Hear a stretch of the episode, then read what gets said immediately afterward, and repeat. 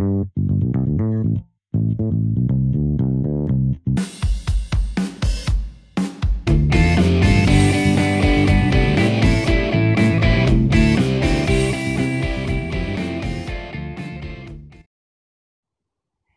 there, you are listening Netizen Podcast. Hari ini gue pengen ngebacain aja sih, uh, yaitu adalah esai yang pernah gue buat. Mengenai ya lu udah baca kan di judul. Tapi judul esai gue nggak sama sama judul podcast gue esai gue judulnya itu adalah mempengaruhi mahasiswa lewat satelit. Titik dua teknologi yang mengubah masa depan ya ini adalah esai gue gue bacain. Satelit adalah benda yang berada di luar angkasa.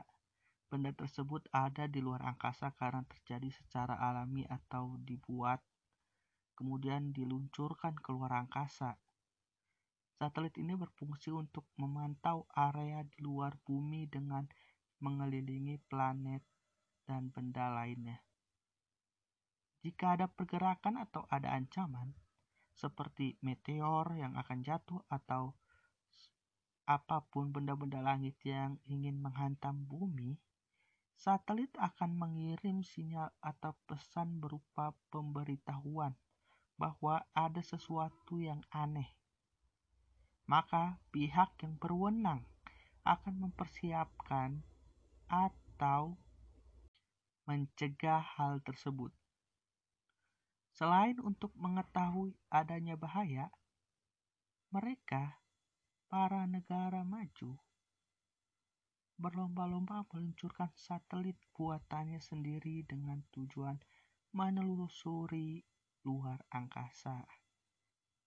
Berlomba-lomba mencari benda-benda luar angkasa yang bisa dijadikan sesuatu yang bermanfaat bagi man manusia di bumi seperti contohnya negara Cina yang terus-terusan meluncurkan satelit guna mencari alternatif sumber daya. Karena hal tersebutlah, negara maju membuat satelitnya sendiri dan kemudian diluncurkannya ke luar angkasa.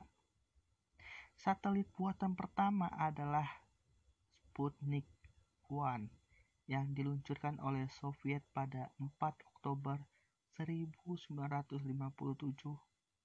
Hal tersebut memulai program Sputnik Rusia dengan Sergei Korolev sebagai kepala desain dan Kerim Kerimov sebagai asistennya.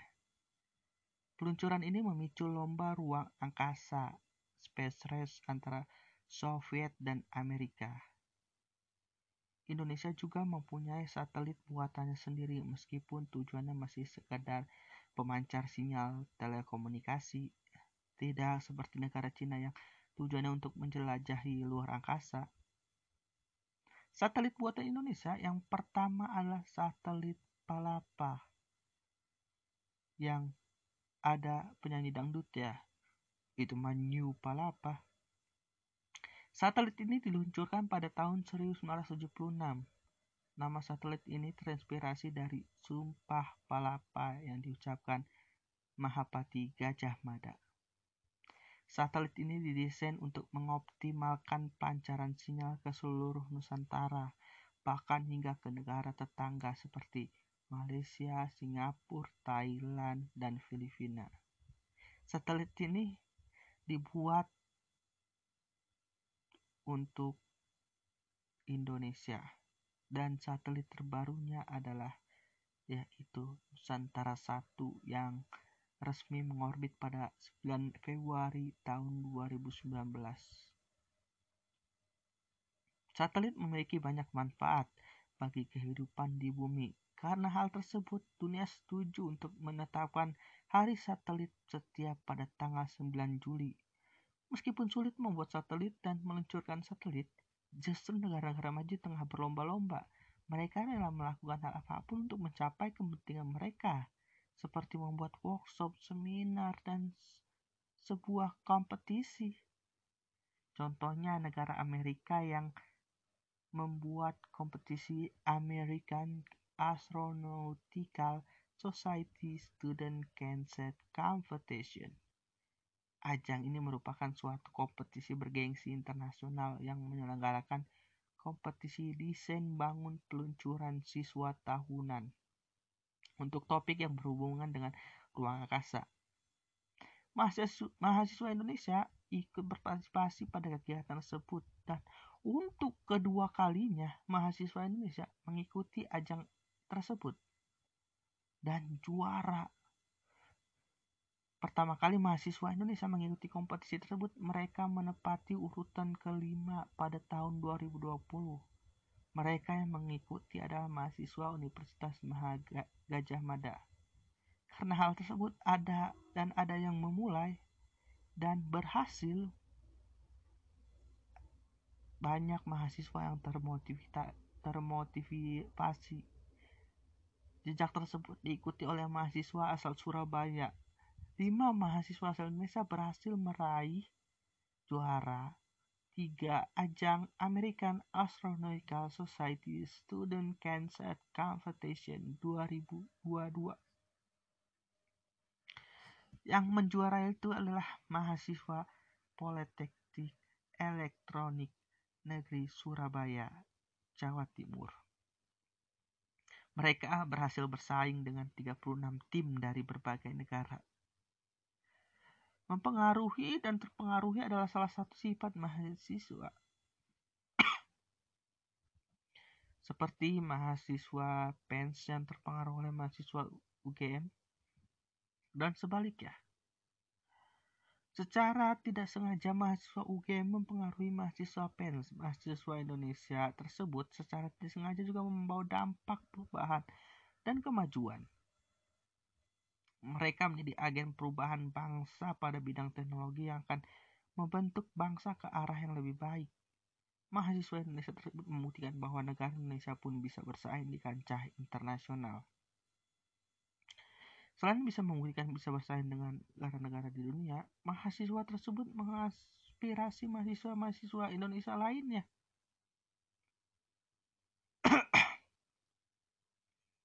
ya minimal menginspirasi temannya keluarganya ah, ya lingkungan sekitarnya lah dan dari hal tersebut bisa tercipta sebuah satelit atau teknologi-teknologi yang baru dan canggih mahasiswa tersebut perlahan-perlahan menjawab sebuah agenda pembangunan berkelanjutan atau SD, SDGs Sustainable Development goals.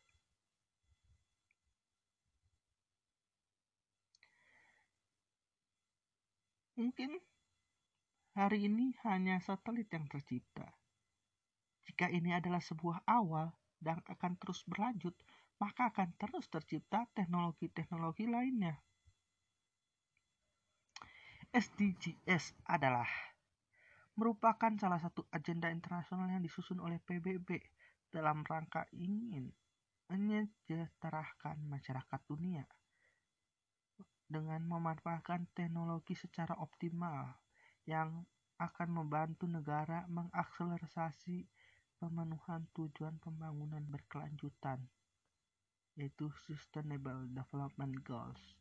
Teknologi dapat mempercepat pemenuhan SDGs tersebut karena akses informasi dan layanan teknologi yang optimal dan pembangunan dan pemanfaatan infrastruktur teknologi seperti satelit dan teknologi-teknologi lainnya akan berdampak pada konektivitas antara individu yang lain satu dengan yang lainnya. Jika negara Indonesia ke depannya bisa terus menerus menciptakan satelit yang baik dan canggih akan muncul teknologi-teknologi baru. Hal ini terjadi karena penguasaan mengenai teknologi digital yang baik dan bermanfaat akan meningkatkan produktivitas dan efektivitas sumber daya. Berkat kemajuan teknologi yang setiap harinya meningkat, sebuah negara bisa meningkatkan kualitas dan meningkatkan kuantitas output dari sumber daya negara tersebut. kemajuan teknologi juga dapat adalah kemajuan teknologi juga merupakan salah satu kunci untuk menemukan solusi jangka panjang bagi tantangan ekonomi dan lingkungan, seperti menyediakan lapangan pekerjaan baru dan mendorong efisiensi energi, mempromosikan industri berkelanjutan, serta berinvestasi, berinvestasi dalam penelitian ilmiah dan inovasi adalah cara-cara penting untuk memfasilitasi pembangunan berkelanjutan atau SDGs. Teknologi tidak hanya untuk memajukan negara Indonesia ke taraf internasional, tetapi juga membenahi dan membangun produktivitas serta efektivitas lokal atau daerah. Seperti brand-brand lokal yang mendunia seperti Cosmonauts yang di dunia, Erigo, dan lain-lain. Teknologi sangat diperlukan guna meningkatkan akses industri dan perusahaan skala kecil dan yang akan mendukung perkembangan teknologi daerah. Selain bersifat modern yang memajukan industri, teknologi juga dapat mengurangi pencemaran lingkungan atau polusi udara dengan terciptanya kendaraan dengan terciptanya kendaraan-kendaraan yang tidak lagi menggunakan bahan bakar bensin. Banyak teknologi global yang mendukung akselerasi pembangunan berkelanjutan atau SDGs guna menjaga dunia agar tetap bersih dan tidak tercemar. Meskipun belum banyak membuat dan menjual kendaraan listrik, itu adalah sebuah terobosan untuk mencapai ke arah yang lebih baik. Inovasi tersebut selain sebagai pengurangan emisi karbon, juga ada pada dukungan informasi, information technology IT untuk membangun ekosistem yang pada akhirnya bisa mendukung green economy ini sendiri. Dukungan IT dapat membantu membuat ekosistem green economy yang dijalankan perusahaan menjadi lebih efektif dan efisien. Karena perkembangan teknologi dan inovasinya sangat pesat, membuat potensi muncul peran yang baru dan inovatif juga masih terbuka. Ini kembali pada perusahaan yang dapat pintar melihat dan memaksimalkan peluang serta memahami kebutuhan market atau pasar masing-masing. Negara Cina yang memanfaatkan satelit untuk menjelajahi luar angkasa guna mencari sebuah alternatif bahan bakar atau menemukan sumber daya baru, negara tersebut akan melakukan kegiatan hal tersebut guna melindungi bumi karena bumi sudah terlalu tua untuk terus dikeruk atau dimanfaatkan. Negara Cina berpikir kreatif agar negaranya untung dan juga menyelamatkan bumi dari kehancuran. Kemajuan teknologi yang pesat telah menurunkan biaya energi terbarukan bagi tiap orang. Energi bersih dan terjangkau yang menjadi output dari teknologi-teknologi baru yang canggih apabila semua teknologi energi dipergunakan secara efisiensi maka energi yang tersedia saat ini ditetapkan konsumsinya secara signifikan bisa dipangkas. Namun, hanya sebagian kecil dari potensi ini yang akan terrealisasi. Tentunya, selain efisiensi energi, peralihan sebuah kebijakan dan penghapusan subsidi harus terjadi. Perlu juga beralih dari bahan bakar fosil ke energi terbarukan.